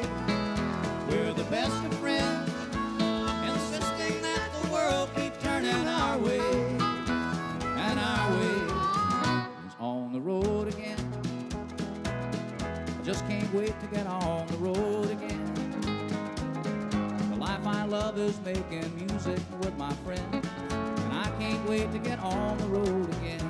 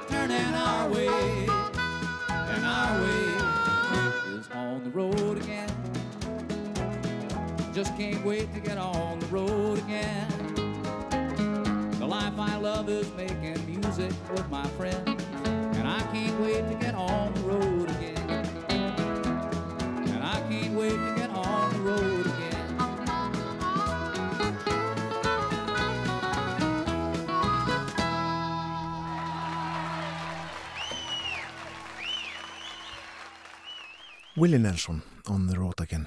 Eitt af hans uh, þekktustu lögum en uh, þau eru orðin mörg á löngum ferli. Willie Nelson hefur verið að í 67 ár. Hann verður nýraður á morgun, lögadaginn 29. april. Og af því tilefnið ætlum við að fjalla um Willie Nelson hér á morgunvaktinni næstu mínútur. Jónatan Garðarsson er komin hingað í hljóðstofu og við ætlum að stikla á stóru. Jónatan, uh, ég nefndi það nú hér áðan að, að uh, það var aðeins á reiki hvort hann fættist 29. eða 30. 29. segir fjölskyldan, 30. segir fæðingavottorðið, hann sjálfur miða við 29. afrið ekki. Jú, það var þannig sko að hann fæðist á heimili föðufóreldra sinna og sennilega er hann ekki skráðu fyrir en daginn eftir og þá er þetta ekkert verið að hafa ómikið fyrir þessu. Pappas og mamma voru svona slarkarar, tónlistamenn bæðið tvö. Pappans stakk snemma af og skildi bara stákinn og, og sýstur hans eftir á heimilinu hjá fóreldrum sínum. Bobby, sýstur hans, tveimur árum eldri og mamman af indjanættum, hún var svona reikur líka þannig að þau fóru bara mjög fljótlega í burtu og foreldrarnir uh, var ekkert að tilkynna það að þau voru að skilja eða, eða fara heldur bara, var það af og amma sem sagðu nú eru þau flutt og þau komið kannski ekkert aftur. Því verði bara hjá okkur. Þetta var í Abbott, litlum bæ í Texas, Já. þau voru bæði með trúið, afinn og amman og þau kölluðu afasinn og ömmu Papa Nelson og Mama Nelson. Og svo var það Papa og Mama. Það voru foreldrarnir, Dad and Mom Og Will Nelson er uh, trúaður, er það ekki? Hann er mjög trúaður, hann er alveg upp í, í trúalu uh, heimili og var í kirkjunni, methodista kirkjunni, hjarnan, uh, seldi biblíu með þess að þegar hann var svona að koma undir sér fótonum, gekk á milli húsa og seldi biblíur og, og, og reyndar Atlantíka og encyklopíti Amerika og ímestett þeirra, en trúin hefur alltaf verið til staðar. Mm og hún kemur með stert í gegnum textana, maður sér það ekki alveg en hann, sko það er þessi jákvæðinni kærleikur uh, og blíða, hann, hann vil koma því á uh, í gegnum texta, textana sína. Þannig að það kemur alltaf í ljós. Hann syngur mikið um salvansi og fjölskylduna og svona bara atbyrði úr eigin lífi og var mjög hrettur um það á sínum tíma. Hann gæti ekki sendt textan og lögin frá sig þannig að þetta væri allt persónlegt, það væri hann opna algjörlega sko inn í hjarta Fór hann snemma að fást í tónlist? Sko hann er sjör, já, hann byrjar að læra á gítar bara þegar hann er sko smákrakki og sýstir hans lærir orgel í kirkjunni og, og síðan piano. Hann er sjöra þegar hann eh, semur sitt fyrsta lag, þá hann búin að vera að spila gítar í smá tíma. Eh, það pappans kendur hann að spila gítar, amma þeirra kendi Bobby að spila á piano og það var hún sem held að þeim eh, tónlistin allar tíman. Afinn dó frekar snemma vekk lúnabólku og dó uppu því en amman helt heimilinu saman náði því þó hún væri fátæk að halda börnunum hjá sér og það var alltaf hennar markmið að þau færi út í tónlist og þau áttu náttúrulega að gera trúalegir flytjandur tónlistar Já. og þau eru að fóra að spila á honky tonks eða svona knæpum þá skammaðu þau aldrei en sagði þetta er allt í lægi meðan að kelleikurinn er með í þessu. Mm, Akkurat.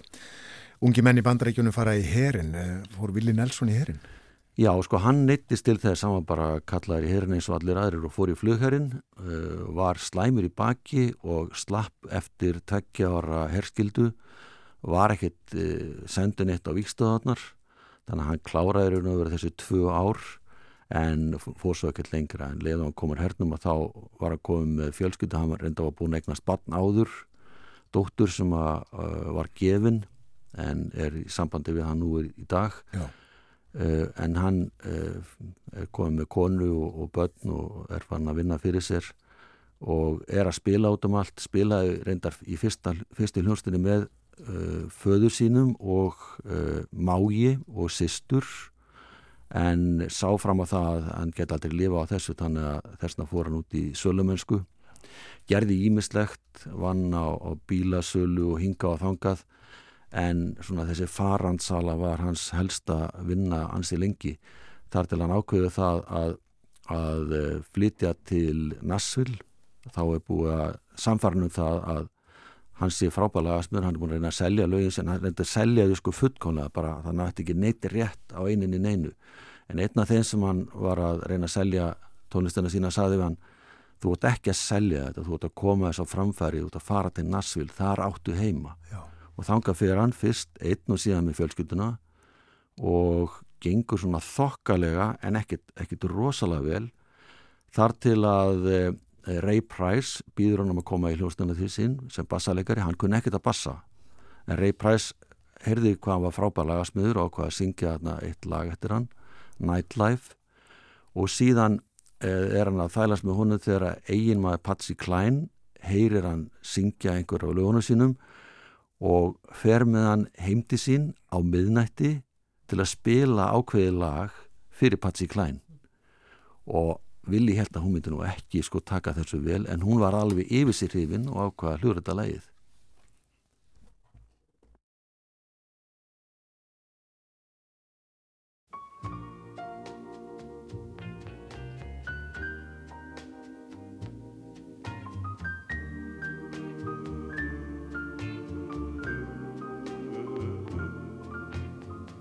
Crazy, I'm crazy for feeling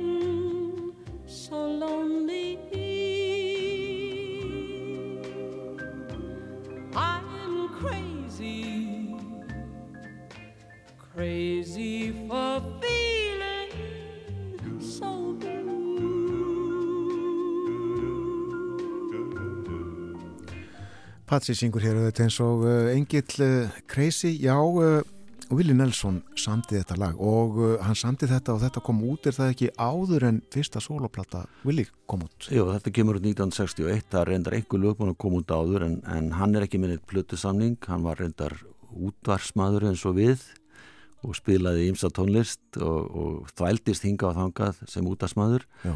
en þegar, er, þegar þetta lag er komið út og, og það er svona fleiri fattar að sína hann um áhuga að þá er nú bóðin plötusamningur hjá RCA útgáfinni og uh, þar voru menn uh, mjög svona harðir á því að hann ætti ekkert að vera að syngja sín eigin lög. Hann ætti bara að syngja lög eftir aðra. En hann gerir fyrstu plötuna 1962 sem heitir And Then I Wrote og það er allt lög eftir hann. Og þar er upptökustjóri sem að ræður raun og veru öllu hvernig þetta hljómar hver, hverju spila með honum og annað í þeim dúr og hann var ekkit mjög ánægð með það vegna þess að Willi er þannig að hann syngur ekki á bítinu, hann syngur ekki á taktinum, hann er svolítið eins og Frank Sinatra. Hann svona kemur aðeins eftir á eða pínlit á undan, allt yfirleitt eftir á. Og uh, það var svona kvartaði við því að sko bakrættasöngara get ekki sungið með honum að því að hann, hann væri ekki á bítinu en þetta er hans stíl og hann heldur samningnum við RCA í nokkur ár uh, gengur endar líka inn í Grand Ole Opry þar sem hann þurfti að syngja mörgusunum á ári og, það var svona stærsti staðurinn í Nassvill útastættir sendt beint út þannig að hann var þokkalega þekktur eftir það. En í raun og veru þá uh, er hann ekkit ánaður þarna. Hann fær 10.000 dólar á ári fyrir RCA samningin uh, hann kaupi sér lítinn búgarð fyrir utan uh, Nassvill það kveiknar í þeim búgarði 23. desember 1970 þar sem hann er á knæpu að skemmta sig með vinnu sínum Mm. og frændans, sonur Bobby ringir í hann og næra ná honum á, stanum og segir búgarðurinn er að brenna. Og hann segir en bílskúrin nei, það er ekki komin eldur í hann. Kerðu gamla trökkinin í hann svo ég fóði tryggingan til að bæta og ég fóði nýjan bíl. Svo fer hann heim og það eina sem hann hugsaður um er að ná í gítarinn. Hann átti uppalega Baldwin gítar með ákveðinu pick-upi. Hann brotnaði þannig að hann, er, hann er kvartið til að kaupa sem Martin gítar og að taka pick-upin á Baldwin gítarnum og þetta er gítarinn sem hann er enþá að spila á. Þannig að hann bjargar þessum gítar úr eldsvóðunum Já, og þessi gítar er náttúrulega eins og hann sé ónýttu því að hann er allur í skralli. Það er búið að búið að stramma hann svo mikið að það er komið gata á hann og hinn og þessi búin að skrifa nöfni sína á hann og svona Svo var það einhver tíma þarna uh, upp úr þessu er það ekki sem að hann allar heimlega hætta í tónlist. hann hætti hann, Hann bara, hætti? hann hætti bústalega bara eftir þetta, eftir bruna þá hætti hann. Og flytur uh, til Bandera í, í Texas kaupi þar uh, aflaðan búgarð og, og gerir hann upp og er algjörlega ákveðni að hætta. Þar til að hann fær símtar frá Jerry Wexler og sánáungi var uh, upptökustjóri hjá Atlantik útgáfunu einna eigundunum og hann segir hérna ég, ég dyrka blöðuna hennar, hann hefði gert eina konceptblöðu sem gekk með illa fyrir RCA útgáfuna og, og þeir eiginlega svona slitu samstarfnu hann eftir það. Og uh, Jerry segir kontu til New York og gerði blödu með okkur. Og hann segir ok, um, ég er hættur í tónlist. Já ég veit það en þú bara gerir það sem þú vilt þú ræður algjörlega hvað ætlar að gera. Ég ætla ekki að skipta með neitt af þessu. Og þú ræður hvaða hljómsveitu notar þannig að hann fer með hann tekur Bobby sýstisjónu með sér ræður hann til sín í hljómsveit og gamla vini sína Pól Englis og fleiri trómuleikara sem var með honum síðan alla tíð og er ennþá með honum. Og þeir fara til New York og taka upp plötu sem eru svona gospellög. Og síðan eh, segir Jerry nú skal þú staldra við og semja fleiri lög og þú skulum taka upp aðra plötu nota tækjaferið og hann fer inn á hótelherbyggi er alveg í öngun sínu því hann hafi verið að vinna hjá uh, útgáfi fyrirtæki við að semja lög áður fyrr og fannst hann ekki sko geta sami lög eftir pöntun og semur lög sem eru algjör djöfisir stella en það er tekið upp gekk ekkit sérstaklega vel en var nú til þess að, hérna, uh, hann svona, fann sína fjöl í raun og veru og vissi hvað hann átt að gera og svona var samfærður um það eftir þetta að hann ætti að helga sér tónlistin alveg á fullu og síðan gera hann samning nokkrum árið setna við Columbia útgáðana sem var stærsti útgefandin í bandaríkinum á þeim tíma og gerir þá plötu sem að heitir Red Headed Stranger rauðþærði ókunni maðurinn sem að var ekki lag eftir hann, heldur lag sem hann spila oft í þessum útastáttum og tilengaði dóttu sinni. Og þessi plata slæri algjörlega í gegn og bara selst í gríðalegu magni. Og uh, þar, og á þessum tíma þá uh, rís hans fræða svo hátt. Já, þann, hann eiginlega sko næra verða stór stjarn á þessum tíma. Já. og það er þannig að, að hann er þarna búin að stopna þessa hljómsett sem hann kalla Family sem er ennþá starfandi. Uh, hann er fluttur til Austin í Texas. Þar er hann með Waylon Jennings og, og fleirum. Þeir gera útlagaplötuna Wanted, Outlaws sem að verður gríðalega vinsæl og seldist í sko tvöföldu gulli þar að segja platinusölu og fyrsta counterplatan sem næð þeirri sölu. Og eftir það er hann eiginlega bara komin alveg á græna grein. Þannig að hann getur gert bara sem hann sýnist. Og uh, tveimur ára setna þá gerir hann plötuna með Waylon Jennings sem heitir Waylon and Willie. Og það er lag sem heitir Mamas Don't Let Your Babies Grow Up To Be Cowboys ekki að leiða, hann að læra að spila á gítar heldur kannski bara að fara í skóla og verða lögfræðingar og, og rukkarar Já, já, og hún seldist vel. hún selði skriðalega vel Já, og uh, uh, Will Nelson, uh, er það ekki vex með uh, vinsældum sveitatónlistarinnar í bandaríkjunum? Hún er líka að, verða vinsæld á vinsældi. Jú, hún uh, tekur gríðalega kipp um þetta liti þegar þeir eru að slá í gegn og það er kannski vegna þess að þeir koma með nýjan tón, þeir koma með nýjan nálgun við, við countryið. Þeir hætta að láta þessa upptökustjóra ráða uh, þeir vildu gætna setja strengi og blostur og ímislegt inn í tónlistina. Uh, Bob Dylan fór til Nashville og gerði þar tvær plötur og þar svona var frjálsara og opnara og, og menn vildu kannski fara þá leið. En, en þessi típu, þessar típur sem fluttu til Austin í Texas við Outlaws eða útlegaðnari sem voru kallaðir að þeir gera hrarri plötur og svona nær bara hjartanu. Mm. Og það er eins og það virki svona rosalega vel Já, og hann uh, var ímist einn og sér eða með öðrum, við höfum nefnt uh, Waylon Jennings og svo var hann setna í samstarfi með já, honum og uh, öðrum uh, miklum köpum líka. Já, Highwaymen, það er hljómsveit sem að stopna með Johnny Cass og uh, Chris Kristofferson Já. Og þeir ferðust um allt og þeir heldur nú allir að þeir myndi ekki geta unnið saman því að það var allir svo miklir, miklir egoistar sem var alveg rétt en Willi segist aldrei að hleyja eins mikið á æfinni og þegar hann var að ferðast með þessum mönnum. Já, já, mikil gleði. Já, já. Og þetta er uh, svona ofurhljómsveit súbegrúpa já, á þetta að segja í, í country heiminum. gerðu þrjár plötur saman. Þær voru þrjár, já.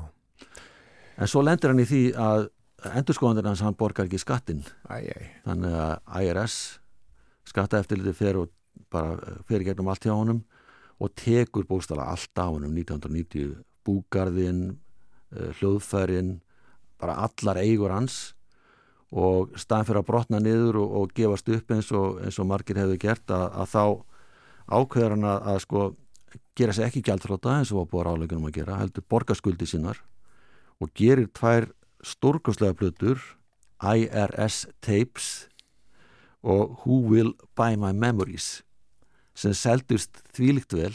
Að hann gætt borga upp alla skattaskuldunar og fengi allar eigu sinni tilbaka. Já. en hann seldi þá búkar sem hann hafði átt og stopnaði svo til nýsbúkara sem hann kalla Lökk Hefni og þar er hann með stúdíó og kipti sér síðan hús á Maui á Hawaii og býr þar eiginlega Willi Nelson er með stórt hjarta. Já, og hann hefur, hann hefur sko lagt ímyndstætt að mörgum, það er ekki bara það að hann hafi sko unni sjálfa sig út úr kreppu og, og, og skuldum, heldur hefur hann hjálpað amerískum bændum. Uh, Farm 8 er fyrirbæri sem að stopnaði á sínum tíma 1995 með Neil Young og John Guga Mellencamp og það eru tónleikar haldnir á hverju einasta ári til þess að bjarga bændum sem er að missa allar eigu sínar, þess að stór fyrirtækin sem eru með erðabreitt korn eru að vaða yfir allt. Og stór fyrirtækin sem eiga, eiga hérna, nautgripabúðgarðana og þetta þeir þjarma mjög að bændum. Þannig að þeir fá stuðning frá Willi Nelson að þessu liði, farmeit og svo hefur hann haldið tónleika þegar að koma upp einhver svona eins og, eins og flóðinn í New Orleans eh, tsunami þarna í Asíu og, og margt, margt fleira. Þannig að hann er alltaf að gefa af sér. Og hann segist ekki hafa neitt áhuga peningum, þeir komu og fari en sko kærleikurinn og gleðin hún sé alltaf fyrir hendi. Hvernig lýsu við tónlistinni hans? tónlistin er rosalega svona um, þetta er rosalega einföld tónlist í raun og veru. Hún, er, hún kemur algjörlega frá hjartana maður sér það alveg að, að hann er bara að- syngja um það sem að honum finnst að eigi að syngja um og maður sér eiginlega persóna svolítið í gernum þetta. Þetta er ekki flókið á nettnátt en þetta er tónlist sem er laguræn og textarnir eru uh, þannig að þeir svona snerta við fólki. Uh, hann, hann liggur aftala í, í taktinum eins og sagt hefur verið. Og hefur gert í 60-70 ár? já, já, og kemst upp með það og spilar á gítar eins og, hann sé bara sko aðlitna sviðinu og hljómsveitin eldir hann bara. Já. Bobby sýstir hans hefur, hefur uh, gætnan sko verið svo sem stjórnaði hljómsveitinni.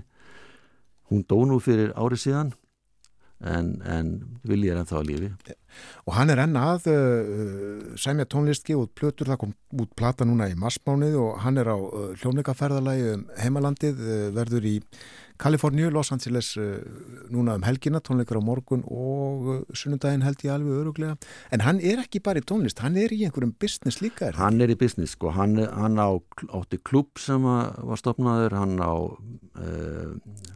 fyrirtæki sem að framliði lífdísel uh, og hann á ímislegt fleira sem hann, sem hann stendur að með öðrum uh, og hann trúir, hann keirir sérst, hann er á trukk, hann keipti einhvern veginn þóttu sem hann tapaði mikið á þess að hann komst aldrei neitt því að það var alltaf, alltaf veðri stoppa hann af, en ef hann er á trukknum að þá getur hann farið allt og það gengur á, á lífdísel. Já, einmitt. og, það, hann sagði, og, og svo er hann með fyrirtæki sem að framliði marihuana sígarettur. Já, það sem að í þeim fylgjum það sem að það er lögleft hann reiki marihuana, hann hægt að drekka og reykja sígarettur eh, 1970 eftir að búkarunni brann. Og fór bara að reykja marihuana og segja að það hefur róa sig verið, hann hefur sannlega verið með ADHD eða eitthvað. Og eh, trúir því að þetta sé eh, elexír lífsins og vill eh, framlega þetta. Og þeir sem að hitta hann, þeir verða að fá smók með honum Sam, Hann- tekur ekkert annað í- Nei, mál. það. en sinir hans er að spila tveir og tvær dætur hans og á plötu sem hann gaf út í fyrra uh, The Willie Nelson Family þar eru þau fjögur ásamt uh, sýstur hans og það er síðasta platan sem sýstur hans spilaði enn á. Og ætlum að heyra laga henni. já, það heitir Heaven and Hell, þetta er allt trúalegi söngvar sem er á þessari plötu og þau sískinn hafa gett hann sungið trúalega söngvar saman og þetta er það síðasta sem að Bobby spilaði með honum Hlustum og það, þakkaði fyrir að vera með okkur Jónatan Garðarsson Takk fyrir Sometimes it's heaven, and sometimes it's hell. Sometimes I don't even know. Sometimes I take it as far as I can, and sometimes I don't even go. My front tracks are headed for a cold water well. My back tracks are covered with snow. Sometimes it's heaven, and sometimes it's hell, and sometimes I don't even know. Play a little sister.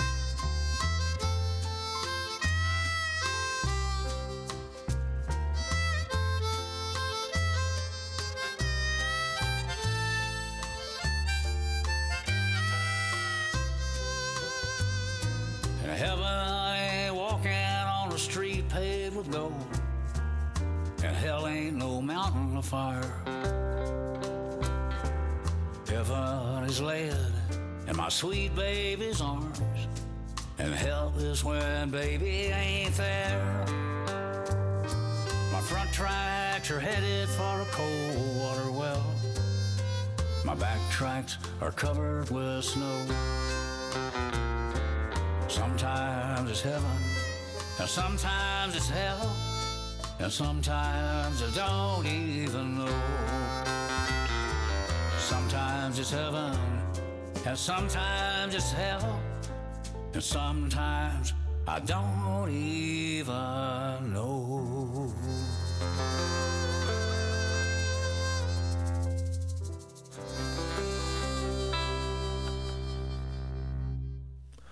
Vil Nelson á síðustu tónana á morgunvaktinni í dag Veriði sæl.